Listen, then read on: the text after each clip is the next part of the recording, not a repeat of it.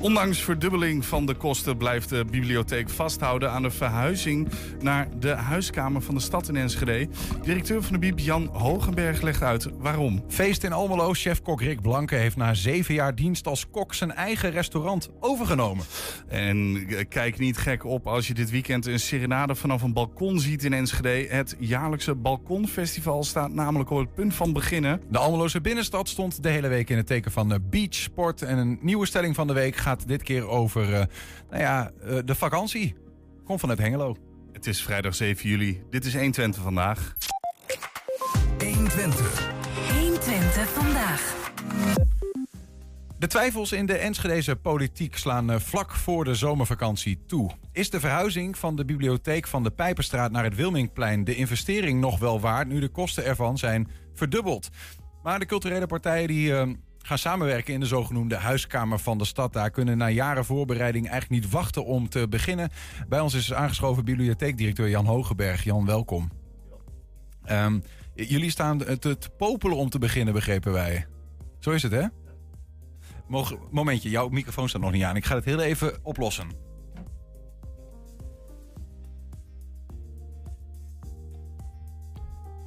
Anders kunnen we je niet horen, Jan. Dat zou jammer zijn. Oh, gaan we het opnieuw doen? Ja, dat lijkt mij wel. Ik ga even opnieuw beginnen, Julian. 3, 2, 1. 120. 120 vandaag.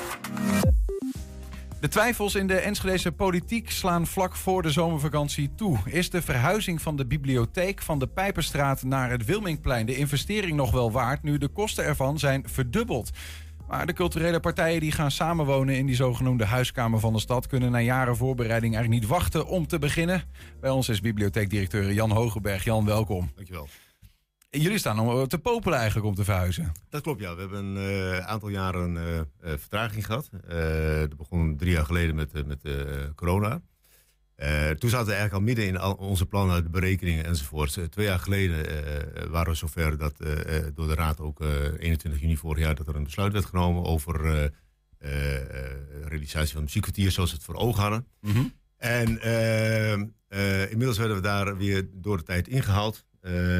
Want we zijn verder gegaan en nou, wat we allemaal weten, begin 2022 brak de oorlog in Oekraïne uit. En dat heeft allemaal invloed gehad op grondstofprijzen enzovoorts, nieuwe berekeningen gemaakt. En uiteindelijk tot de conclusie gekomen, ja, voor de prijs waarvoor het lag, en dat, dat, dat, waren we vorig zomer achter, gaat het gewoon niet lukken. En moet er een nieuwe aanbesteding plaatsvinden. Ja, ja. Dat is gebeurd. Ja, precies. Die, eerder was, er, uh, was het plan 13 miljoen zou het gaan kosten. Ja. Um, nou ja, dat, dat ging ja. allemaal niet lukken. Um, een nieuwe aanbesteding. Nu blijkt met gestegen ja. kosten 26 miljoen. Onderdeel van dat plan is dat de bibliotheek dus wegtrekt uit de Pijperstraat... en gaat hokken met uh, nou Metropool, Wilmingtheater um, en Kaliber Kunstenschool. Ja. Het is goed dat je even noemt van dat de bibliotheek daar onderdeel van is. Want de, uh, kijk, de uh, nieuwsmakers zijn nooit verantwoordelijk voor de koppen. Uh, weet ik. Maar mensen die alleen maar de koppen lezen denken van... Hey, die verhuizing van de bibliotheek gaat 26 miljoen kosten. Ja. Dat is niet aan de orde. Nee. het, het, project kost 26 miljoen. En de bibliotheek is daar onderdeel van. Ja, precies. Dat, Ja. Is, het, dat is het Ja. totale kostenplaatje. Want Ja. daar moet eh, een en ander, hè, in die, waar nu Wilming Theater zit, moeten de muren eruit. En dat moet gewoon helemaal eh, veranderd worden. Er moet misschien nog wat bij, dat soort dingen. Kijk, de reden ook waar wij staan te popelen is dat eh, toen ik 4,5 jaar terug begon in eh, Enschede, eh, hebben we een behoorlijke ontwikkeling in gang gezet. Eh, we hebben de bibliotheek eigenlijk eh, de, de beweging laten maken van traditionele uitleenbibliotheek, wat eigenlijk niet meer van deze tijd is, naar een eh, maatschappelijk educatieve bibliotheek. We richten ons heel sterk op, eh, op, op educatieverbinding met, met, met maatschappelijke organisaties. mensen digitale vaardigheden aanleren. We zijn, hebben strak ingezet op aanpak laaggeletterdheid. Ook de preventieve aanpak laaggeletterdheid. En daar past het gebouw zoals waar we nu in zitten. Gebouw in 1982, 40 jaar oud. Die gebouwd is als, als traditionele uitleenbibliotheek. Dat past daar niet meer bij. Plus dat we eh, eh, last hebben van achterstallig onderhoud. Ja. Wa- wa- wa- Wat, ehm, in hoeverre past dat daar dan niet meer bij? Want dat, de- ik heb mensen die transitie eh, Ja. naar, de- naar meer sociale plekken, eh, bijna een ma- eh, ja, maatschappelijke plek waar je Ja. samenkomt, kan me ook voorstellen, ja, daar kun je toch minder goed lezen of minder goed concentreren. Terwijl in een stad als Enschede 25% lage lettertijd juist zou zeggen, mensen moeten geconcentreerd en Ja. goed kunnen lezen. Dat, dat moet ook. Maar hoe, hoe bedoel je van past het gebouw er dan niet bij? Want, eh, Nou, oh, er lijkt een soort van tegenstelling te zitten tussen de ambitie om een, aan de ene kant een sociale plek te worden. Ja. En op een, worden op een sociale plek nog Ja. wel gelezen. Zeg maar. hoe, hoe, hoe gaat dat samen? Ehm, nou kijk, wat, wat we willen is een, eh, een brede toegankelijkheid. En eh, een, een, een omgeving waar mensen zich ook thuis voelen. Waar ze makkelijk naartoe gaan. En dat is de bibliotheek zoals die nu is, is dat ook hoor. Ik bedoel, dat, dat, daarin heb je gelijk van dat zou een tegenspraak met elkaar kunnen zijn. Eh, maar een, een gebouw zoals die ooit eh, gebouwd is, en dat, dat geldt nou, heel simpel, hè, eh, kantoren zoals in de jaren 70, 80 werden gebouwd, die ga je nu niet meer bouwen. Eh, daar is bijvoorbeeld ook het thuiswerken in, eh, ingekomen in de coronaperiode. En mensen werken op afstand, mensen werken digitaal. En zo is het met een bibliotheek ook. De bibliotheek zoals die is gebouwd is een bibliotheek hier nu met allemaal muurtjes. En echt, echt sterk gericht op, op de uitleen van, van, van, van boeken. Mhm. Ook al zou je zeggen van hey, die Pijpstraat dat is een hele mooie locatie. Eh, het gebouw kan nog jaren mee, dat denk ik ook wel. Eh, moet je daar wel fors ingrijpen om te zorgen dat die wel toegankelijk blijft. Ook voor het doel wat je nastreeft. Ja. Het doel wat we nastreven is onder andere mensen taalvaardig te maken. En dat is niet alleen maar door het uitlenen van boeken. Eh, daar hebben we ook een behoorlijke verandering aangebracht in ons, ons personeelbestand. Voorheen hadden we heel veel mensen in de front office. Dat was logisch, want mensen kwamen voor de uitleen van boeken. Eh wilden daarover geadviseerd worden. Nou, tegenwoordig advisering eh, gebeurt digitaal. Eh, en tuurlijk lopen nog altijd medewerkers rond van als je graag wil weten van nou, waar gaat het boek over enzovoort. Wat Mhm. boek zou ik voor mijn kind moeten hebben. Dan word je daarin geadviseerd. Maar ook dat, van wat voor boek zou ik voor mijn kind moeten hebben. Ja. Kinderen hebben verschillende leesniveaus en leesproblemen. problemen. Dus we gaan veel gerichter kijken daarnaar. En, daar hebben we ook ons personeel op aangenomen. Dus de- eh, eh, eh, we richten ons veel sterker op, op dat educatieve onderdeel. Ja, maar en, en dan blijft de vraag een beetje hè, van hoe, hoe helpt dan eh, een verandering van, ehm, eh, ook al zou dat op, in de Pijpenstraat zelf zijn, Mhm. hè, een verandering van gebouw. De wens die jullie hebben is, we gaan samen in die huiskamer van de stad. Hoe helpt dat Nou, in dat is- die Dat is leeseducatie? bijvoorbeeld ook door een heel andere opstelling van je, van, van je, van je leesmateriaal. Eh, ook veel meer gericht op, op doelgroep. Je gaat ook kijken wel- welk leesmateriaal heb ik nog nodig. Heb ik al het leesmateriaal nodig eh, eh, wat, wat we nu hebben staan? Of kan ik ook zeggen, hey, weet je, dat is meer achtergrond. En eh, ik zorg dat ik een goed gevulde kast heb staan. Mhm. Waar mensen actuele boeken en veel gelezen boeken uit kunnen halen. Ja. Gericht op, op doelgroep. Maar waar we heel sterk behoefte aan hebben, zijn plekken voor ontmoeting. Heel veel studieplekken. Want we zien, zien dat gewoon, het is nu vakantieperiode, maar toch vrijdagmiddag, nog steeds op vrijdagmiddag, zie je dat er heel veel studenten in de bibliotheek zitten. Mhm.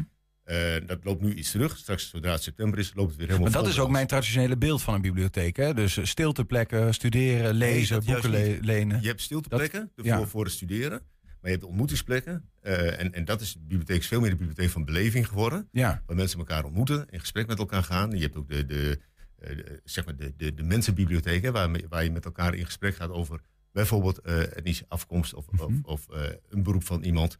Je gaat veel meer in debat met elkaar. Eh, maar mensen moeten ook gewoon met elkaar in gesprek kunnen Ja. gaan. Ook. En Nou ja, is ik- omdat zeg maar de, de uh, Aad Vos, die noemt het al de third place eh, gedachte. Hè? Die, die, die, de wat voor play, sorry? de, de, de derde ontmoetingsplek, Ja. ja. het gewoon lekker op zo'n op zo Nederlands uitspreken. Die is eigenlijk verdwenen. Je bedoelt, naast thuis, je werk, heb je niet meer die derde plek Ja. waar je vanzelfsprekend naartoe kunt gaan. Vroeger was het de kerk enzovoorts. Nou, Maar blijft dat verdwijnt en-en in die zin in, in het nieuwe plan? Hè? Ja, zo'n- ja, zeker. En in dat willen we alleen maar versterken. We willen mensen veel meer in verbinding gaan brengen, ook met, met andere facetten van bijvoorbeeld cultuur of ook, ook educatie. Ja. Voor mensen waar het niet zo vanzelfsprekend is dat ze naar het theater gaan. Dat is een hele grote groep hè, hier, in- hier in Enschede. Mhm. Uh, misschien is het van 90% van de bevolking die niet vanzelfsprekend zomaar naar het theater gaat. Juist die mensen willen we ook in verbinding brengen met het theater. Met, met, in verbinding brengen met muziek. Maar ook uh, een, een, een kaliber uh, kan daar een heel sterke rol in gaan spelen. Ook. Ja. Dat is een beetje wat, uh, wat jullie betreft zo'n huiskamer moet doen. Ja. Dat er een soort van kruisbestuiving Ja, is van hey, ik ga naar theater en ik kom toevallig ook in de biep daarom. Ja, of metropool. voeren, zou je ook bijvoorbeeld straks in de bibliotheek kunnen gaan doen. Ja. Uh, dus dat, dat, geeft tal van mogelijkheden. Om juist ook, en, en de politiek bijvoorbeeld, Ja. zou je ook, uh, uh, ik zou er voorstander van, van zijn, dat de gemeenteraad een deel van zijn vergadering bijvoorbeeld naar de bibliotheek verhuist. Juist om die politiek dichter eh, bij de bevolking Ja. te brengen. Maar, de- maar dan blijft een beetje de vraag, en ik stel die ook eh, eh, omdat er bijvoorbeeld in, de, in de vergadering afgelopen week, waarin de PvdA bijvoorbeeld de vraag stelde, die zeiden van ja, ehm, ik ste wij steken liever ons geld in de inhoud dan in de stenen, hè, dan Ja. in dit plan. Dus ergens zul je, want de, de gemeenteraad Ja. is, is, is, is sceptisch, en zelfs de coalitiepartijen. Dus de bibliotheek zal ergens duidelijk moeten maken en de andere partners van wat helpt dit, dit plan nou in ehm, het verbeteren van de leesvaardigheid van, of het leesplezier van Enschede, misschien dan nog belangrijker. Mhm. Eh, want die 25% is wel hard eh, bij ons. Nou, kijk, omgeving doet altijd heel veel met mensen. Hè? Ik bedoel, als jij eh, ergens naartoe gaat, dan heb je weet ik veel, een terras. Het ziet er niet uit, ga je daar niet zitten.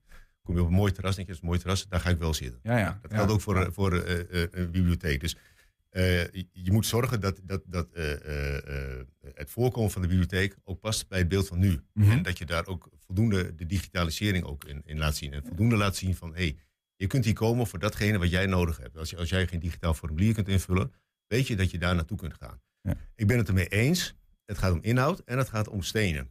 Het is niet, het is niet alleen maar of alleen inhoud. Want eh, als je alles in de inhoud zou steken en je hebt daar geen muurtjes omheen, Mm. eh, dat is ook niet handig. Mhm. Eh, dus het is en-en. En dat de gemeenteraad zegt, hey, we willen daar eens goed over nadenken. Want het is wel een behoorlijke eh, beslissing die je neemt. Het gaat over veel geld. Ja. Nou, dat snap ik ook. Want ik denk dat iedereen op zijn klomp aanvoelt. eh, dat ik over een tijdje weer aanklop bij de gemeenteraad en zeg van, ja, we zijn dat en dat allemaal gestart. Eh, we pakken die lage lettertijd aan in Enschede. en dat is niet iets waar je trots op moet zijn. Enschede staat in de top 3 van Nederland. 25% van de bevolking valt onder die definitie van lage letterdheid. En daar moet je serieus werk van maken. Dus eh, kom ik ook terug. Eh, hetzelfde geldt ook voor de wijkvestiging. Er ligt een motie van de gemeenteraad, eh hou een bibliotheekvoorziening in stand in de, in de wijken. Natuurlijk kom ik terug. Ja. Dus dat, Nou ja, dat, eh, dat, dat, dat voelen zij ook aan. En Dat is, dat is ook logisch. Ja, precies. Want even eh, financieel gezien eh, is het dan zo, hè, die 26 miljoen, daar is de bibliotheek een onderdeel van, Ja, nogmaals. ja. Ehm, maar goed, deels wordt die, die prijs opgevangen door een huurverhoging. Ja. bijvoorbeeld, hè. die betalen Ja. jullie als partners. Hè? Dus Ja. Wilming Theater, Bibliotheek, Ja. Metropool, dat soort dingen. Betalen dat zelf. Ja. Ehm, kan dat überhaupt? Hè? Of, want je zegt, dan kom ik terug. Of is dat ook iets waarvan je dan op termijn in principe weer terugkomt bij de gemeenteraad om een subsidie te vragen? Niet voor Bijvoorbeeld? de huur. Kijk, die, die, die huur, dat heeft Jeroen Diepemaat van de week ook uitgelegd. De, de huur, zoals die nu is voorgesteld, en dat was ook, eh, dat staat voor mij ook een puntje, hè, van, eh, nou ja, weet je, je gaat van 13 naar 26 miljoen. Zo ligt het niet helemaal, maar eh, het is makkelijker uitleggen. Eh, betekent dat ook een verdubbeling van de huur? Nee, dat is niet waar. Het blijft op de prijs zoals we het eerder ook hebben afgesproken. En die huur is niet exorbitant hoog. Eh, als je dat kijkt in de verhouding van, nou, wat betaal je voor een vierkante meterprijs, dan is dat een, eh, nou, dat is het een reële prijs. Een ander alternatief dat wordt voorgesteld is, eh, mede door coalitiepartij VVD, ehm, een verhuizing naar het zogeheten warenhuis. Ja. Hè? Want ik hoorde je echt Ja. net vertellen van, nou, ja, wij zoeken eigenlijk ook wel naar een soort van kruisbestuiving Ja. met andere eh, plekken waar mensen bij elkaar komen. Nou, het warenhuis is het oude V&D-pand en dat is dan het oude, oude V&D-pand aan de. Korte Hengeloze straat. Daar gaan in eh, de Podiumacademie van ROC van Twente, Concordia en Zonnevank. En die zoeken eigenlijk nog een vierde partner en ze zeggen, nou ja, bibliotheek, is dat niet een optie? Kost misschien minder geld, eh, willen ze laten onderzoeken. Is dat een, überhaupt een optie voor de bibliotheek of helemaal niet? Ja, kijk, ik vind als, als de gemeenteraad zegt wij willen alle alternatieven onderzoeken, dan vind ik dat de gemeenteraad dat ook moet doen. Ja. Dan moet je er nog kijken, want het, nu kom ik terug wat ik net zei, hè, want het is, een, het is een behoorlijk bedrag. 26 miljoen geef je niet elke dag uit. Ook niet als gemeenteraad. Eh, het is ge- geld van de gemeenschap. Dat moet je ook kunnen verantwoorden. En dan snap ik ook dat je zegt, nou, we gaan alle alternatieven tegen elkaar afwegen. En dan moet je het ook serieus doen. Mhm. Eh, het is te makkelijk om te gaan zeggen van oké, nou gaat de bibliotheek verhuist wel eh, naar het, eh, het warenhuis, voormalig V&D-pand. Eh, we hebben wel een fix aantal vierkante meters nodig. Er zitten een aantal, aantal nou, je noemt ze net zelf op, hè, drie gebruikers komen er al in. Ja. Dan komen wij er nog eens bij. We hebben veel vierkante meters nodig. En, dan wordt het technisch, maar de drukbelasting van de vloer, die moet je wel gaan berekenen. Want jullie boek- zouden dan op de eerste verdieping komen. ja, boekenkasten zijn heel zwaar, daar vergissen mensen zich in. Dus je moet gaan kijken, Nou, kan, ik- kan die vloer dat wel houden? Ik kan er wel voorstelling bij maken hoor Het is iets anders dan, ja nee precies. Ik Ja. bedoel, Je kunt zeggen, nou weet je, vroeger warenhuis, kledingste. Ja. Kleding is veel lichter. Ja. Dus die, en dat is altijd het probleem van de bibliotheek. Eh, hoe is de drukbelasting van de vloer? Dus het is, het is niet zomaar een gelopen race. Oh, nou, gaan we Maar is, is, is, nee, maar goed, maar ik, eigenlijk hoor ik dan twee argumenten. Eén is de ruimte eh, Ja. en, en twee is de, de belasting van het gebouw. Hè? Als je op de eerste verdieping zou komen, kan die vloer dat aan. Stel dat dat soort dingen opgevangen kunnen worden, is het dan een optie? Of, of, of zeggen jullie van, ah, nee, die andere partners zijn bijvoorbeeld ook gewoon geschikter bijvoorbeeld? Nou ja, dat is, dat is een beetje de, de if-then-else uh, constructie. Hè? Dan krijg je, kom je die stroomschema's tegen. Van stel dat dit niet gebeurt, wat zou je dan gaan doen? Ja. En, ja, je moet toch onder, dat is wat de gemeenteraad wil. Eigenlijk een onderzoek naar wat mogelijk dat is. Vind ik ook terecht dat de gemeenteraad zegt van... kijk, we gaan kijken naar uh, alternatieven. Maar zijn die alternatieven niks? Dan moeten we gewoon dit doorzetten. Kijk, voor ons geldt, wij zijn deze weg ingeslagen. Mm. Uh, dus kiezen we ook voor deze route. Maar stel dat het niet doorgaat... Hè, dat de gemeenteraad zegt van... ja, nee, maar weet je, die 16 miljoen vinden we heel veel geld. En er zijn van jaren hè, waar, we, waar we mee bezig zijn geweest. Ja. Dus die keuze is op enig moment is gemaakt tijden veranderen, weet ik ook. Uh, uh, en daar moet je ook over nadenken. Uh, maar dat, dat, daar kun je niet altijd, dat, dat, dat, kun je niet altijd laten meespelen. Dus op een gegeven moment ben je een, een weg ingeslagen. Ja. En moet je ook gaan kijken van hoe breng je dat tot een goed eind. Het is het goede recht van de gemeenteraad om te gaan zeggen... we gaan alle alternatieven tegen elkaar afwegen. Dat, dat vind ik gewoon zonder meer logisch. Ja. Maar welke en, rol gaan jullie daar dan spelen in dat onderzoek? Ja, dat is, daar ben ik zelf ook nieuw naar. Ja, want dan zou je toch zelf als bibliotheek ook iets in de melk te brokkelen willen hebben. van ja, oké, okay, prima. Maar, maar wij, wij, hebben inhoudelijk in ieder geval dit en dit nodig. Ja, nou ja, ik ga er ook vanuit dat, dat. Ik weet niet wie het onderzoek gaat doen. Maar degene die het onderzoek gaat doen. Uh, gaat ervan uit dat hij ook bij, elk bij de, bij de vier partners langskomt. En uh, gaat vragen: nou, wat, wat, wat, wat, wat is jullie idee hier nu over? En ja. uh, stel, het gaat niet door. Wat zou je dan willen doen? Nou, dat is een volgende stap. Ik, ik, wou die toch, ik wou, ik wou die tot, tot slot toch een beetje verkennen, Jan. Uh, ja. Want dat is natuurlijk. Uh, ja. stel, stel even verhuizing naar de huiskamer. Uiteindelijk 26 miljoen. Uh, jullie als partners zeg maar, kunnen de gemeente niet overtuigen dat dat echt de beste weg is voor nu. En ook um, dat andere plan van, van het ware huis ja, gaat mm-hmm. gewoon niet lukken op die manier. Dan, dan blijft het bij renovatie van het huidige pand aan de, aan de Pijperstraat en de andere indeling daarvan. Ja. Um, is dat een uh, aderlating voor de stad? Is dat, of, of, of, kan, het, kan dat ook? Zit te veel if-else? Uh, ja, dan ga je er dus vanuit van. Uh, ik, denk, ik denk dat enige, altijd in enige vorm muziekverdier zal altijd. dat, dat heeft Jeroen Diepmaat ook aangegeven. Dat zal altijd. er moet, moet ja, iets mee gebeuren. Ja, klopt. of jullie er nou inkomen of niet in die huiskamer. Daar gaat wat dus gebeuren. Daar moet iets mee gebeuren. Ja als het zo is dat de gemeenteraad, maar dat, dat zijn we nu echt heel erg aan het voorsorteren. Als de gemeenteraad zegt, oké, okay, dit, dit, uh, dit is niet de goede weg, een andere weg inslaan. Uh, dan moet je serieus gaan kijken van welke alternatieven zijn er nou allemaal. Er zijn er een paar genoemd. Er zijn er vast wel veel meer te bedenken. Er zijn ook leegstaande winkelpanden, weet ik veel. Maar je kunt ook uh, de, de, de Pijpenstraat weer als optie daarin meenemen. Mm -hmm. en dan moet je flink aan de slag met het pand. Ja. Dus dat is altijd een, een reële optie. En, dan, en ook dan zal voor ons ja. stel, stel dat, maar dan zitten we echt in die if-then-else uh, ja. situatie, maar stel ja. dat, uh, ook dan zullen wij, uh, dat doen we nu ook al, hè, andere gebruikers erbij gaan zoeken. Precies, om die, om die sociale samensmelting van plekken inderdaad. Ja, we gaan, blijven daar niet alleen zitten. Dus het is, dan krijg je ook een heel ander concept, dus dan moet je gebouw op gaan aanpassen. maar daar moeten we over nadenken, dat is nog niet, daar zijn we nog niet. Dankjewel Jan. Dat vraagt ook iets te veel. Dankjewel. Succes. Succes okay. met de strijd. Bedankt. Ja, boeren in Overijssel zullen de komende vier jaar niet gedwongen onteigend worden door de provincie. De woningbouw moet versneld worden en de afspraken rond de energietransitie staan als een huis. Het is een kleine greep uit het nieuwe coalitieakkoord voor de komende vier jaar dat BBB, uh, VVD, GroenLinks, PvdA en SGP gisteravond presenteerden in Zwolle. De collega's van RTV Oost vroegen om de eerste reacties van gedeputeerde coalitiepartijen en oppositiepartijen. Moment met een klein voorbehoud. Wij hebben echt ingezet op het vertrouwen in de politiek weer terugbrengen. Het gaat om onze inwoners. Die moeten centraal staan. Uh, die moeten perspectief hebben. En we moeten, uh, er zijn best wel grote opgaven. En dat willen we graag samen met de inwoners doen. Het is niet zo dat BBB direct zegt alles moet anders. Uh, bepaalde aspecten moeten misschien anders. En we willen nog meer dan voorheen het geluid uit de regio, uit de gebiedsprocessen meenemen om tot besluiten te komen. Ja, het staat wel op het fundament van de afgelopen vier jaar. En dat is mooi dat je nu wat andere accenten daarin kunt leggen of andere uh, richtingen daarin ook mee kunt nemen. Ja, het is een historische avond. Hè? Het is uh, de eerste avond uh, in mijn leven in ieder geval dat er een ja, coalitieakkoord is gepresenteerd waar het CDA geen, geen onderdeel van is. Ja, dat klopt. Ik zie wel hier en daar wat dingetjes dat ik denk, oh, een stationnetje in Staphorst, dat heeft de SGP binnengehaald. Of uh, ik zie iets sociaal inclusief. Dan denk ik, oh, dit is PvdA. Maar de kleur van sommige partijen, en zeker de BBB, kan ik nog niet echt erin terugvinden. Perspectief bieden en economisch perspectief, ja, dat zijn we wel, uh, daar worden we blij van. Dat er ook toekomst is voor de agrariërs in Overijssel. Ja, daar worden allemaal blij van, denk ik. En dat er aan wordt gewerkt, ja, dat zien we graag. Een hele goede ploeg. Ik heb daar wel vertrouwen in, in, in, de gedeputeerden. Daar spreekt ervaring, bestuurlijke ervaring uit, vernieuwing. Dus wat mij betreft aan de slag. Ja, in het nieuwe Overijsselse akkoord wordt vooral uitgegaan van bestaande afspraken. Agrariërs die hoopten op een rigoureuze verandering in het stikstofdossier.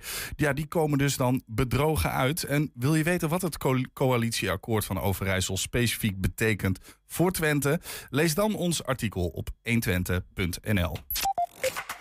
120. 120 vandaag. Even tussendoor trouwens, hè. Uh, dit weekend niet gek opkijken in Enschede als je in één keer serenade vanaf een balkon ziet en zo. Waarom dat zo is, uh, waarom dat, uh, dat hoor je zo meteen. Maar is er daar iets anders? Technische toepassingen voor ontwikkelingslanden maken en daarover adviseren. Dat is het doel van de studentenvereniging WOT van de Universiteit Twente. Deze week organiseert WOT, zoals het heet, samen met ROC van Twente voor de 44ste keer een cursusweek. En die zogeheten T-week is voor mensen zonder technische achtergrond die van plan zijn om naar een ontwikkelingsland te gaan. Bijvoorbeeld om daar als arts te werken.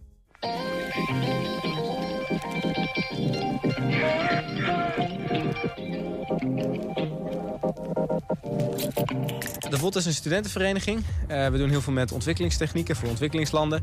Uh, dus we testen bestaande technieken, maar we bedenken ook zelf dingen zoals windmolens of pompen, putboormethodes. Uh, dingen zoals dat. We zijn nu bezig met de T-week. Dat is een techniekweek voor voornamelijk tropenartsen en andere mensen. Uh, en die, ja, die, die scholen wij bij op het gebied van, van autotechniek en elektronica en uh, heel veel technische vlakken.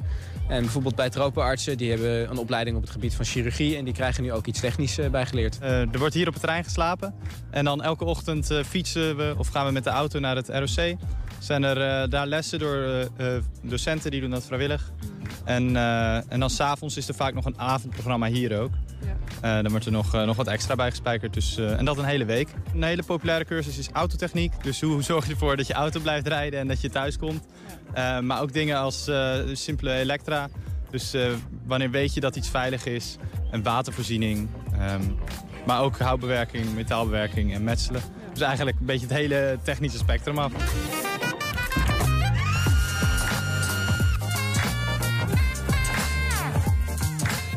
Mijn vrouw is, uh, zij is arts internationale gezondheidszorg, dus de tropenarts zoals we dat noemen. Um, en uh, zij gaat, of wij gaan als gezin over anderhalve maand naar uh, Malawi. En ik ga daar naartoe met echt een, een passie voor onderwijs en om daar ook wat te kunnen bijdragen aan het, aan het onderwijs daar. Um, ja, dus ik dacht, het is toch wel handig om te weten als je auto stilvalt, hoe je die moet oplappen. Je ziet juist heel erg dat heel veel mensen zijn, hebben toch al wat kennis van hun eigen auto. Hebben een keer meegekeken bij een garage. En anderen hebben weer wat kennis met hout of die hebben, vinden dat leuk. Dus je ziet heel erg dat ze elkaar echt willen helpen omdat ze dat leuk vinden. En dat ze heel veel passie hebben om dat toch uh, te leren. Dus ze helpen elkaar heel veel, ja. Uh, wij zijn eigenlijk de enige die zo'n zo'n technische cursusweek zo compact aanbieden voor uh, mensen zonder technische achtergrond. en dat doen we dus ook al 44 jaar. Dus uh, daar ken ik geen andere voorbeelden van. Twee dagen geleden hebben we um, ja, autotechniek gekregen. En ik voel me nu super comfortabel om toch al bepaalde dingen aan te wijzen. En bepaalde onderhoudsdingen, uh, maar ook bepaalde... Um, ja, als, je, als je bepaalde als dingen mislopen, dat je op zijn minst een beetje een diagnose kan stellen van wat loopt hier nou mis in mijn auto. En dat kon ik echt drie dagen geleden nog niet. Dus dat is wel handig, ja. Ja, je, je wou wat zeggen. Ja, sorry. ik wou zeggen, zou niet gek zijn voor mij, eerlijk gezegd. Zo'n spoedcursus techniek. Man, man, man, ik kan net een band plakken, maar uh, ja. Nee, deze... Eitje wel? Ja, ja, ja. Nee, oké. Oh, Okay. okay. hey, oh, pas hey. op, hè. ja, ja, we vragen het zo wel aan de chef-kok, ja, joh. Ja, ja, precies. Eh, kijk niet gek op als je dit weekend een serenade vanaf een balkon ziet in Enschede. Je hebt dan hoogstwaarschijnlijk te maken, hoogstwaarschijnlijk, met het Balkonfestival. Morgen wordt er opgetreden op uh, hoogte in de Wesselenbrink. En zondag zijn uh, de zang- en dansuitvoeringen te zien in de binnenstad. En dan hebben we, als het goed is, een kleine terugblik van het eerdere editie. Maar goed, uh, ik, ik, krijgen, we, krijgen we die nog? Ik, uh, oh, kan hij nu ingestart worden? Gaan we 3, 2, 1. O re mi che ca yo, elo elo. O re mi che ca yo. Baba mi, ayami. O re mi che ca yo, elo elo. Alone is a man, alone.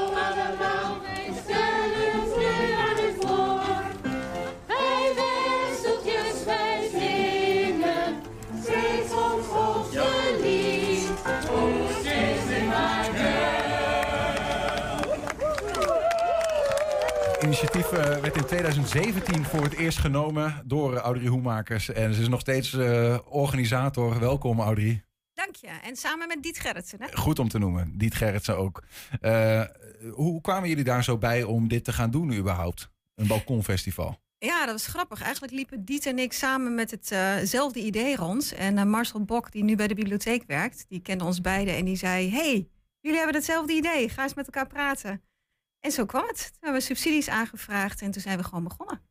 En dat van jou, dat kwam ergens omdat je door de binnenstad liep en eens omhoog keek en dacht, wat hebben we eigenlijk veel mooie balkons. Ging het zo ongeveer? Ja, weet je, ik, ik werkte in de binnenstad en toen liep ik op de Oude Markt en toen dacht ik, goh, wat zou het leuk zijn als hier op een balkon of uit het raam in één keer een trompet komt en een operazangeres en een singer-songwriter. Alsof het een soort doom is, zeg maar. En um, ja, toen dacht ik, grappig eigenlijk. In je eigen stad kijk je veel al op ooghoogte. Naar Ja. de winkels, naar de mensen, naar de, naar de bomen. Weet ik veel waar je naar kijkt. Maar in een andere stad kijk je vaak omhoog. En ook als je mensen in deze stad ziet en ze kijken omhoog, dan weet je meteen. Zijn ja, die komen niet van hier. Ja. Ja. nee, maar dat is zo breder natuurlijk. Hè? Dat je eh, in andere steden in het buitenland vaak een stadswandeling of zo doet. En vaak weten mensen uit hun eigen stad helemaal niet goed wat er eigenlijk speelt overal. In ieder geval eh, op de geschiedenis gezien. Eh, hoe keek jij dan trouwens, want in coronatijd herinner ik me, dan had je van die video's van in één keer eh, eigenlijk spontane balkonfestivals. Hè? Dat eens gezien? Dat je dacht van ja, nou, dit is, dit is, eh, want toen was je natuurlijk al een tijdje bezig. Klopt, ja. Weet je, dat begon toen in Italië. Hè, toen dat daar best wel heel erg was in coronatijd. Mensen gingen klappen, muziek maken. En nou ja, wij zijn natuurlijk heel erg balkon-minded. Dus dat zit meteen eh, in ons eh, hoofd. Toen hebben we nog wel even gedacht, moeten we hier wat doen? Maar ja, het was nog allemaal zo onduidelijk ehm, hoe ernstig het was. Dus toen hebben we dat wel even laten zitten. En later dacht je, oh, hadden we het toch maar gedaan. Maar ja, we waren misschien een beetje te braaf ook. Ja.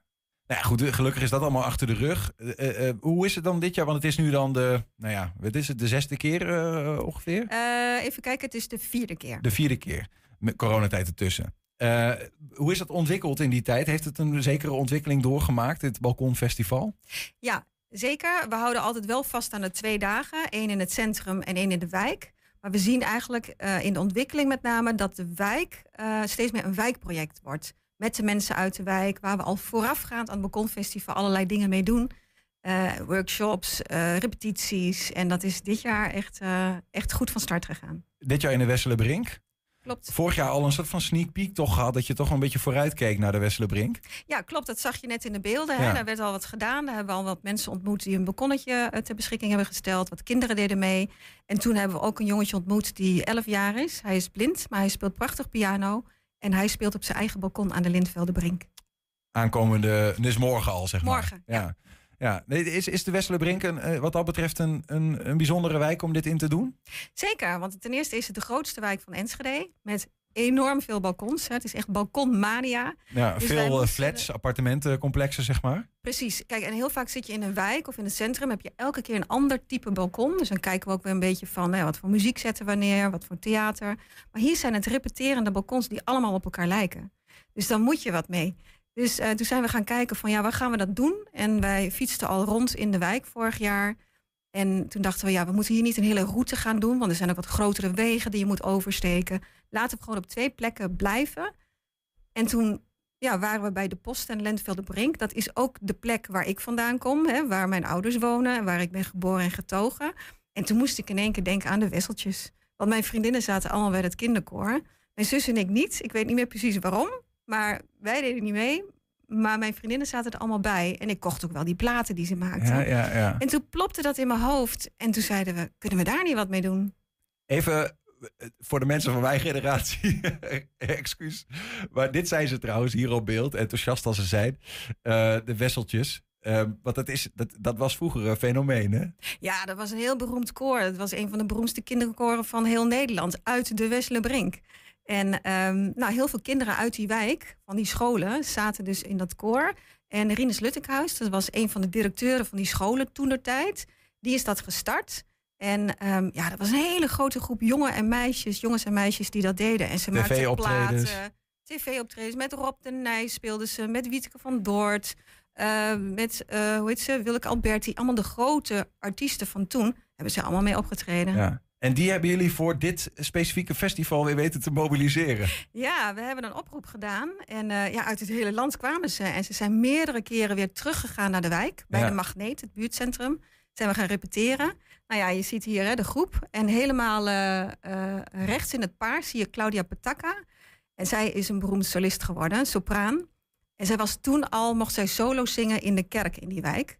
Want zij was toen al een ontzettend pareltje, dat kon je Ja. wel merken. En zij heeft echt een carrière gemaakt. Wa- Wauw. Wat doet het met, voor die mensen? Wat, eh, overigens hebben dus, ze zijn we zegt, verschillende keren al bij elkaar geweest. Volgens mij heb ik ze ook al in het Westele Brinkfeest eh, stiekem al een beetje zien optreden. Dus eh, over, er, her en her poppen ze op, zeg maar. Wat is dat voor die mensen geweest om zo'n soort van reunie te, te hebben met elkaar? Ja, dat vonden ze geweldig. De eerste keer dat ze bij elkaar kwamen, ze vielen elkaar om de armen. En oh, ben jij dat? En ik herken je nog. Of ik herken je niet meer. Dat kan ook, hè?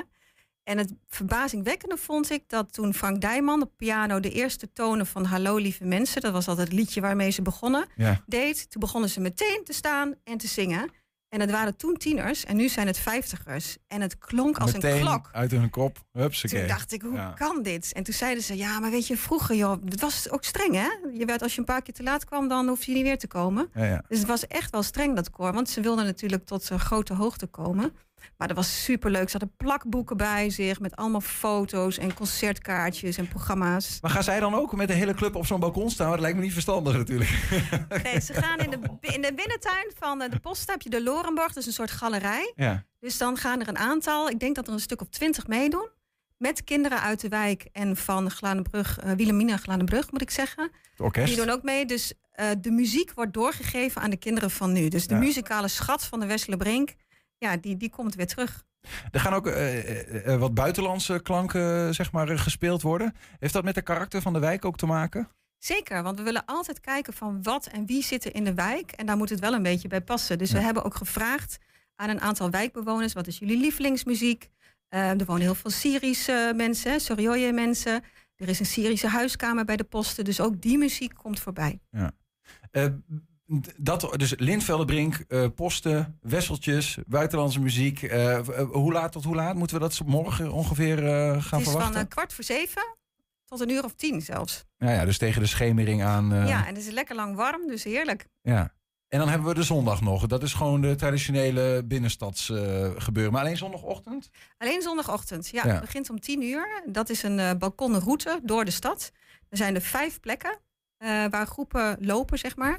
En dat zijn binnen- en buitenbalkons. Want mensen vragen ook heel vaak van... ja, dan kan je toch gewoon naartoe en dan zie je het. Ja, ten eerste moet je weten waar, hoe laat. En er zijn binnenbalkons. Dus ja, weet je, dan moet je in met een polsbandje. Maar het is altijd heel verrassend. Ja, ja. En, kunnen we, eh, hebben we een website of iets dergelijks waar we kunnen zien van wat, waar we moeten zijn op welk moment? Eh, dat niet voor de zondag.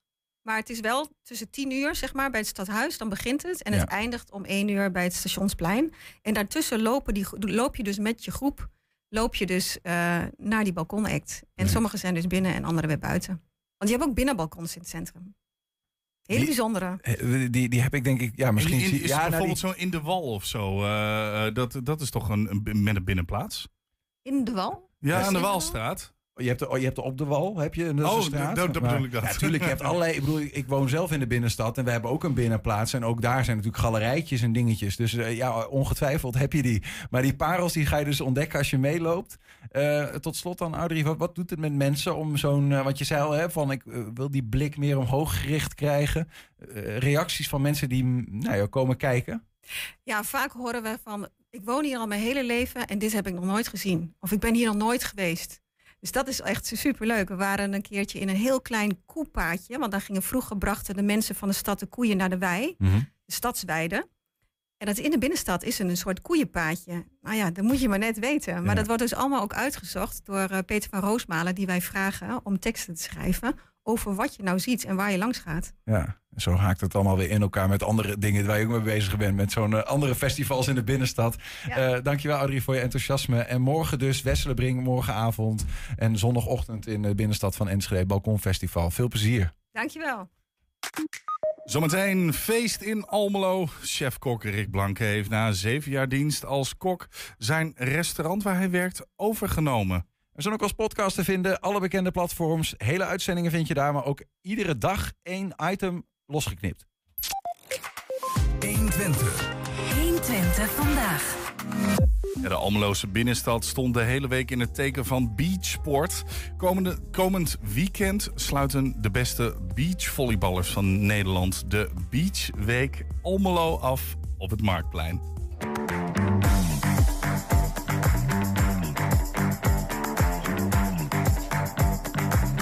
Staat hier bij het Centercourt in de binnenstad. We hebben dit maandag aangelegd. Eigenlijk de grootste zandbak van Almelo, zeggen we wel eens. En eh, ja, wij organiseren van maandag tot en met vrijdag verschillende activiteiten, met name voor de jeugd. En uiteindelijk zaterdag en zondag komen hier de toppers eh, vanuit Nederland. En zelfs een Engels duo komen hier naartoe om echt eh, officieel beachvolleybal te spelen op hoog niveau. En we staan hier bij ja, op dit moment een clinic van de basisschool De Huve. uit mijn hoofd zijn het kinderen van groep 7. En die eh, zijn hier aan het ervaren hoe het is om beachvolleybal te spelen. Niet elk schoolplein heeft zo'n grote zandbak als dat hier ligt. Dus uh, ja, wij maken daar natuurlijk gebruik van om kinderen eens een keer kennis te laten, laten maken met een andere sport. Wat voor sport doe je? Turnen en acro. Dan is dit heel wat anders, hè? Ja. Vond je het leuk? Ja. Wat heb je geleerd vanmorgen? Hoe je moet onderhand spelen en bovenhands.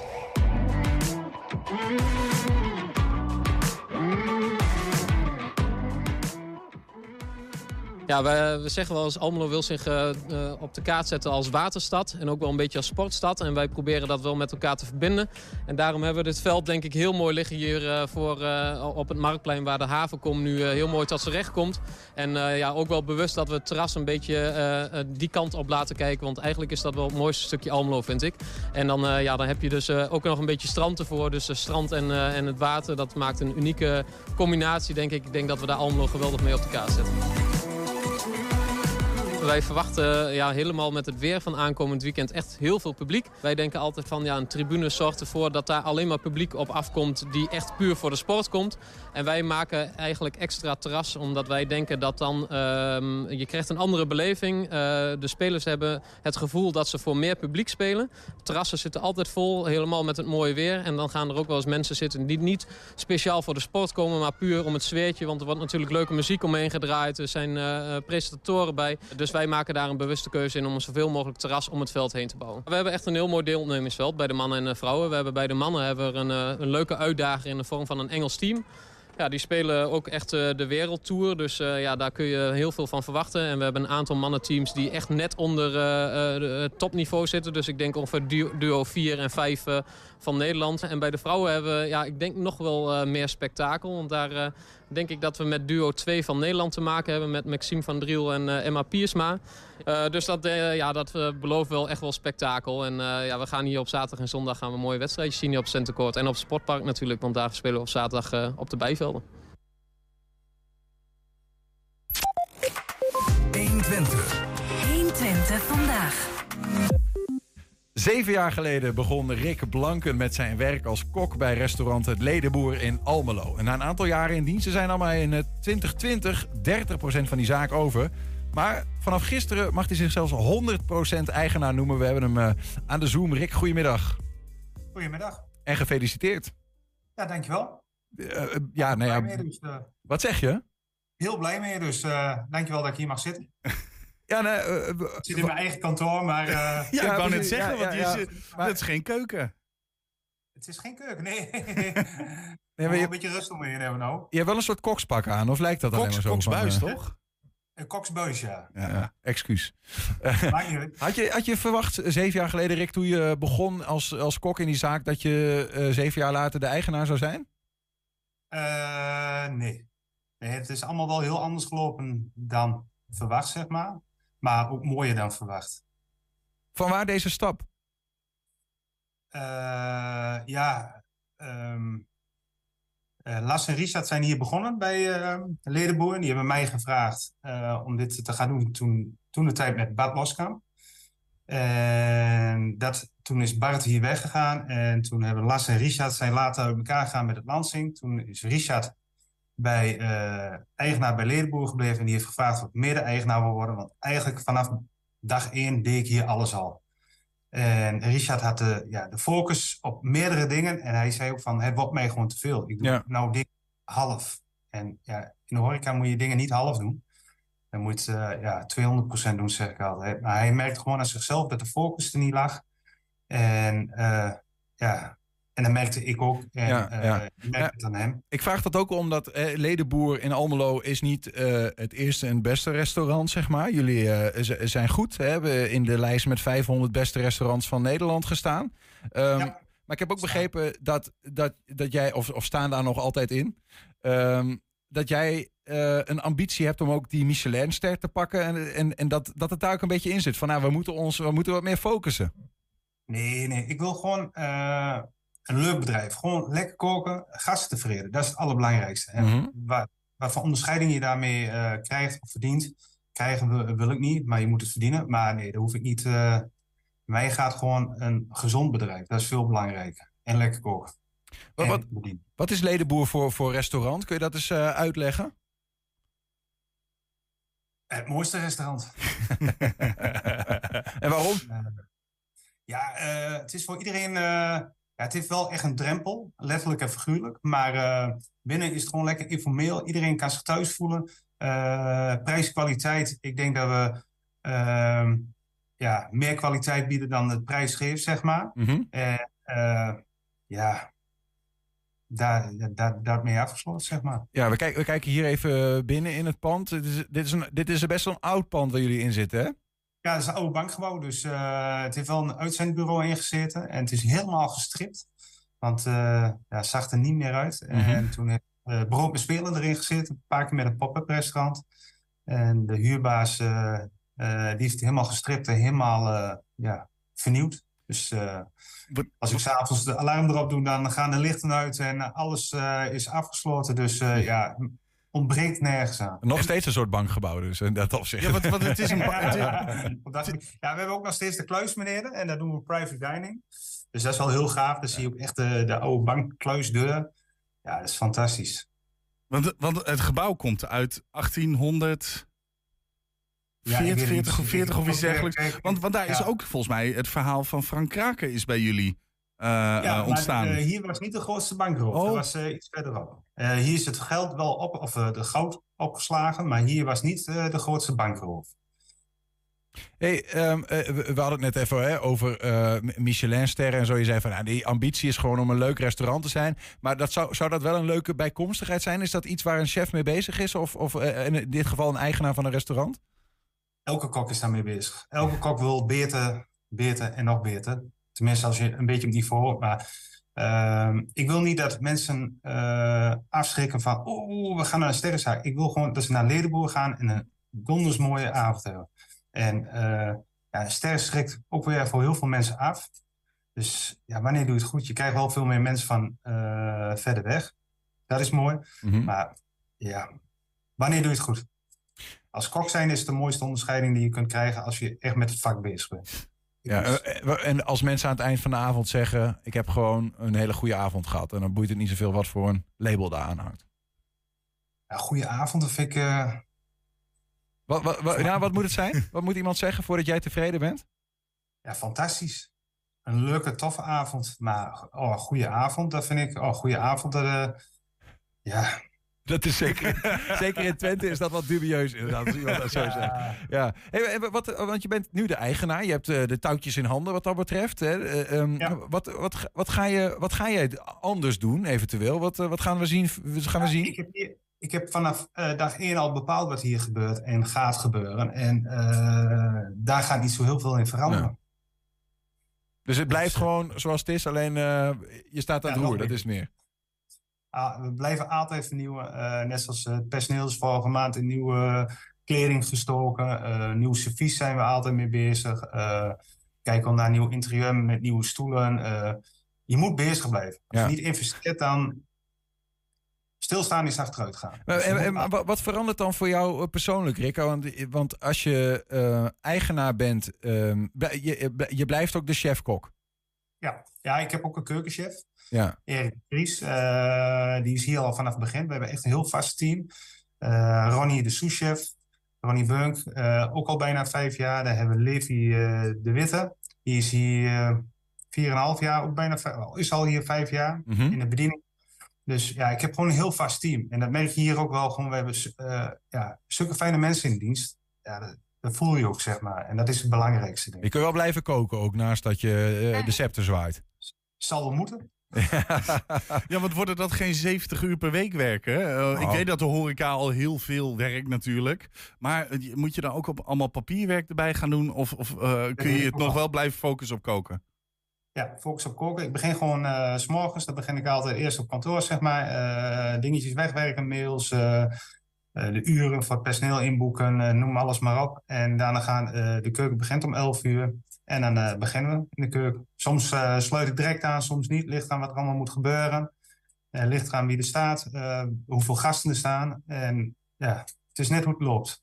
Ene keer dan ben je binnen vijf minuten klaar en de andere keer een kwartier. En soms sta je daar echt met drie mailtjes, ja, een uurtje te worstelen, zeg maar. Wat vind je het mooiste aan het vak, Rick? Als, als, als chef-kok en in dit geval ook als eigenaar. Maar gewoon aan het zijn van zo'n prachtig... aan een restaurant en de mensen een goede avond geven. Fantastische avond. Met mensen bezig zijn. Dat vind ik zo mooi dat je eh, uit iedereen het meeste eruit haalt, zeg maar, op een positieve manier. Niet met schreeuwen en- en schelden. Want mensen die schreeuwen hebben onmacht, zeg ik altijd. Maar dat je met een team wat neerzet, ja, dat vind ik, ja, daar word ik heel gelukkig van. En dan, dan verwijs je ook naar de Gordon Ramsays van deze wereld en zo. Ja, dat is niet meer van deze tijd. Nee. En was niet van deze. Dat, dat had niet goed gemogen. Tuurlijk, eh, iedereen eh, verheft zijn stem wel eens als hij eh, geïrriteerd. eh, maar ook als je moe bent, reageer je ook anders. Dus ik ben niet heiliger dan een paus. Eh, dus ja, Nou ja, maar ik vind het wel wat dat betreft wel, wel heel knap hoor. In die zin dat, dat ja goed, ik, ik kan eh, überhaupt, Ja, je we hadden net over juist eitje het- koken. Wat je niet wil bereiken. Als je tegen iemand gaat schreeuwen, denk je dat hij dan lekker in zijn vel gaat zitten? Dat hij lekker gaat, lekkerder gaat koken? Dat hij denkt, oh, nou, moet ik echt even eh, goed opletten. Want, Nee, ik denk het niet, maar ik denk wel dat het er soms, wat jij zegt, een soort van bijkomstigheid kan zijn van stress die mensen krijgen. En als ik, als ik zelf ergens stress van krijg, is het koken. weet je wel, dat je zo, je hebt die drie pannen op het vuur en ik heb er dan drie, hè. Ik weet niet hoeveel jullie er hebben, maar weet je wel, dus ergens, ja, hoe doe je dat? Eh, met elkaar de hele dag communiceren. Je hebt allemaal verschillende kantjes. Je hebt een, eh een koude kant eh, voor de voorgerechten, een dessertkant patisserie. En als iemand aan de patisseriekant helemaal klaar staat en die staat zo tegen de werkbank aan te leunen van ik heb niks te doen, ja, dan moet je iemand anders helpen. En daar, dan zegt iemand bijvoorbeeld, chef, ik red het vandaag niet. Nou, dan kan een souschef bijspringen of een chef de partie of ja, eh, het gaat niet om die persoon, het gaat om de gast 's avonds. En eh, ik heb er niks aan dat één iemand alles af heeft, tot puntjes eh, voor die drie dagen erop al. Daar schiet ik niks meer op, want Ja. het gaat om 's avonds, het gaat om de gast. Het gaat niet om ons, maar het gaat om de gast. Teamwork is daarbij dus van essentieel belang. Ja, zeker. Ja. En de keukenchef die heeft een eh, zoontje gekregen en die heeft vaderschapsverlof gehad. En de bediening begon gewoon s'morgens tegelijk met de keuken. En die stonden samen met ons mooi de doppetjes te doppen. Ja, hoe mooi wil je het hebben? Ik wens je veel plezier eh, de komende eh, jaren. Voor hoe ver ze nog eh, gaan eh, in jouw positie als eh, nieuwe eigenaar dus van eh restaurant De. Ledenboer met jouw team. En dat je nog maar veel eh, plezier mag hebben zelf in de keuken, maar ook eh, je gasten die daar komen. Rick Blanke, dankjewel en eh, veel plezier Eh, met alles. Jullie bedankt. Fijne dag nog. Straks na een rampzalig optreden waarvoor tonnen aan apparatuur werd verwoest, kan de Twentse band de Euro's dit weekend toch weer het podium op. 120. 120 vandaag. Ja, de zomervakantie staat voor de deur. En veel mensen pakken hun koffers en gaan kamperen. Of misschien wel met het vliegtuig naar een verre bestemming. Maar voor ze daar aankomen zijn ze vaak al doodop van alle geregel. En misschien zit het hoofd nog vol met school of werkzaken. De vraag is dan, wanneer begint het grote genieten? De stelling van de week, waarmee we in Hengelo de straat op gingen, luidt... Op vakantie vind ik altijd de rust die ik zoek. Ik heb nog wel vakantieplannen, ja. Zo half augustus naar Italië. Oké. En ja, de vraag die mensen stellen is, komt u tot rust op vakantie? Ik wel, ja. Ik kom dan zeker tot rust. Ik mag nog op vakantie, eind augustus. Dus dan hoop ik dat ik net zo mooi weer heb als nu. Maar maar even afwachten. Want blijf je in Nederland? Ja, ik blijf in Nederland. We gaan twee weekjes gaan we op vakantieparkje met de kinderen. Dus eh, hoop op mooi weer. Ja, maar dat duurt nog even. Oh. We zijn pas geweest. Een lekker weekje op Texel. En eh, nu gaan we in oktober, begin oktober gaan we naar Griekenland. En kunt u dan op vakantie tot rust komen? Jazeker, ja. Ja, dat lukt wel. Meneer, mag ik u iets vragen? Heeft u vakantieplannen? Nee, ik heb geen vakantieplannen. Want ik, ten eerste ben ik niet zo van het plannen. En ten tweede, ehm, nee, ik, ik, eh, ik, ik heb geen idee. Ik ben ook niet vrij of zo, dus ik, eh, ik heb geen plannen. Maar heeft u een eigen winkel? Ja, dit is mijn eigen winkel. Ja. Ja, al eh, drie jaar bijna nu. Kijk. Ja. En al drie jaar geen vakantie dan? Eh, jawel, jawel, jawel, jawel. Maar het, is, het, het zijn eh, wat moeilijke, moeilijkere tijden voor de retail. Dus eh, vorig jaar was het natuurlijk een topjaar. En was het natuurlijk een mooie zomer. Die begon heel snel. Nou, ik ben al op vakantie. Dus eh, dit is mijn laatste vakantiedag zelfs. Dus eh, de plannen zijn al ingevuld. Ja, Kijk, ja, bent op vakantie in Enschede, of in Hengelo, sorry. In, eh, ja, Hengelo, Dalmeden. Ja, het ligt er buiten Hengelo. eh, staan we op een camping. Ja, die kant. Ik weet niet precies. Ja, op eh, ben een op een camping, ja. ja. ja, En Dus eh, nou, de vierde week dat we met vakantie zijn. zijn zo Nederland rondgetrokken. Ja, noorden begonnen en zo zakken we af eh, richting Twente. En dan gaan we morgen richting huis. Ja, dan eh, is het gebeurd. Ja. Nee, die heb ik niet. Nee. daar ben ik snel klaar mee. Nee, heb ik niet. Nee. Bent u niet aan vakantie toe? Ja, altijd. Maar nee hoor, de centjes niet voor, dus dat eh, gaat niet gebeuren. Maar je kunt toch ook gewoon lekker eh, in... Ik woon, ik woon je in Hengelo? Ja, ik woon in Hengelo. Lekker in Hengelo leuke dingen doen? Oh, zeker weten hoor. Maar dit is ook al genieten zo. Ja. Heerlijk in de stad op, eh, op speeltuin. Ja. Met mijn nichtje. Komt u dan wel tot rust in die vijf dagen op eh, vakantie? Nou, dat ligt aan jezelf. Hè. Als je niks gaat doen, kom je tot rust. Maar het is een tussenvakantie, dus dat komt helemaal goed. Een tussenvakantie. Vertel. Ik kan gaan wanneer ik zelf wil, dus het is voor mij niet zo moeilijk. Ik, als ik vijf dagen weg wil, ga ik vijf dagen weg. Uw hele leven is een grote vakantie. Nou ja, dat wil ik niet zeggen, maar we kunnen het er wel van maken, toch? Ja, we doen ons best daarvoor. Het is meestal misschien de eerste dagen even, maar dan... eh, je moet eerst even een keer in de dag geweest zijn, een beetje in het plaatsje rondgelopen hebben. En dan, eh, als je eenmaal gewend bent, dan, eh, dan kom ik tot rust. Maar het is dus even weer een andere omgeving natuurlijk, dus het is even wennen. Maar, eh, Nou, meneer, bedankt voor uw eh, beknopte antwoord. En tot ziens. Ja, goed hè? Niels, ga jij nog op vakantie? Ik ga op tussenvakantie. Waar ga je heen dan? Wat is een tussenvakantie? Ik heb geen idee wat een tussenvakantie is. Ik, ik heb nog nooit iemand horen zeggen, ja, het is een tussenvakantie. Wat? Maar ja, ik I wish dat ik een tussenvakantie heb. Ehm, eh, eh, ik, Maar nou jij, ja, ben, jij bent eigenlijk best onrustig altijd. Nou, dank en bedankt. Nee, nee maar, maar hoe pak je jouw koffers? Want jij, jij, jij, jij doet altijd wel een beetje alles op het laatste moment. Doe je dat met je koffers ook? Ik ben altijd een persoon van het laatste moment. En ook met mijn koffers en, en alles wat ik doe. En eh, je hebt dan wel alles gewoon bij je, of? Ik, ja, ik, Ja, ja, ja, wat ik altijd doe als ik mijn koffer pak, dan eh, ga ik nadenken over: eh, heb ik, oké, ik ga straks weg. Nou, dan heb ik mijn sleutel nodig voor mijn fiets. Nou, die heb ik. Ga ik op mijn fiets. Fiets heb ik ook. Ga ik daar naartoe? Oké. Dan kom ik daar aan. Dus, eh, bijvoorbeeld, ik ga met, met de auto. Nou, heb ik auto, heb ik ook. Nou, eh, op vakantie, wat ga ik doen? Ik ga eh, wandelen. Heb ik wandelschoenen? Ja, heb ik. Check. Heb ik wandelsokken? Die check. Heb ik een broek? Check. Heb ik een onderbroek? Check. Ja. T-shirt. Dus ik ga gewoon in mijn Je hoofd gaat- ga ik het plaatje langs. Nou, en dan ga ik kijken, heb ik dat allemaal? Ga ik s'avonds, wil ik nog tanden poetsen? Nou, heb ik tandenborstel, dat soort dingen. Dat is een ideale manier. Ja, ik, ik vergeet me nooit. Ik ben ooit een keer naar Italië geweest. Toen kwam ik in Italië aan. De reg- regende de eerste dag. Eh, en eh, alles, ik was helemaal zeiknat van de regen. Ehm, en eh, toen kwam ik aan en toen wou ik andere sokken aan. Geen, helemaal geen sokken bij me, helemaal niks.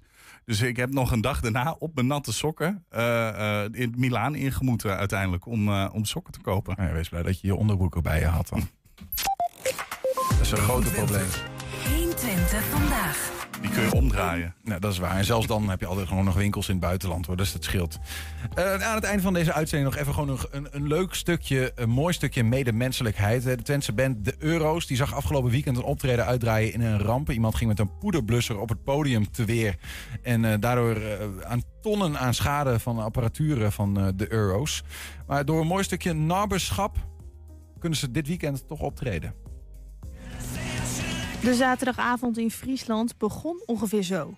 Enthousiast publiek en een goede sfeer. Ja, het was een fantastische avond. We zijn in de watten gelegd en eh, het leek niet meer stuk te kunnen. Super gaaf om te spelen, een super intense show. eh, tot het einde. Dan krijgt een minderjarige bezoeker ineens een brandblusser te pakken... en spuit hem helemaal leeg over het podium. Vanuit mijn linker ooghoek zie ik in één keer een, een, een, een wolk, een rookwalm opkomen. En ik had mijn mond, mijn keel vol zitten. En ik begon direct te hoesten. Ik kreeg bijna geen lucht meer. Ik dacht, eh, het is gewoon met iets gespoten zijn, maar dat kan natuurlijk van alles zijn. Toen eh, de toetsenist als eerste van het podium afvloog en wij volgden... toen kwam een van onze crewmembers met een eh, brandblusser naar achteren. Ja, toen was het verhaal heel duidelijk. Alles zit onder. De instrumenten, de apparatuur en de bandleden zelf. Al hebben ze niet direct in de gaten hoe groot de schade op dat moment is. En de volgende dag had ik zelfs nog niet het idee dat het heel heftig was, totdat je alles hoort.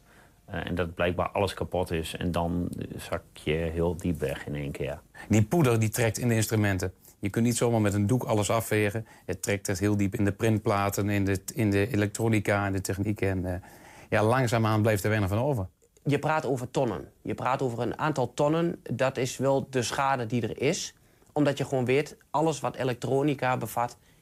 gaat op korte termijn of lange termijn niet meer bruikbaar zijn. Dus dat moet vervangen worden. Een paar dagen later besluit de band om hun verhaal via Facebook te delen. Ja, we waren natuurlijk eerst wel in shock. En er moesten eerst natuurlijk van allerlei dingen worden uitgezocht. Eh, wie heeft het gedaan? Wie is er eventueel aansprakelijk? Eh, hoe kunnen we dit oplossen? Er staan natuurlijk nog veel meer optredens in het verschiet.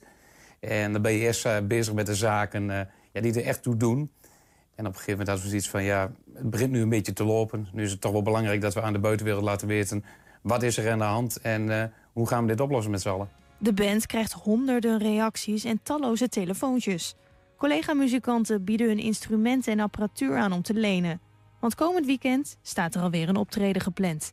We zijn eigenlijk al bijna 24 uur straks aan het, alleen maar aan het beantwoorden. Ons management krijgt berichten, we krijgen persoonlijk berichten. De social media loopt over.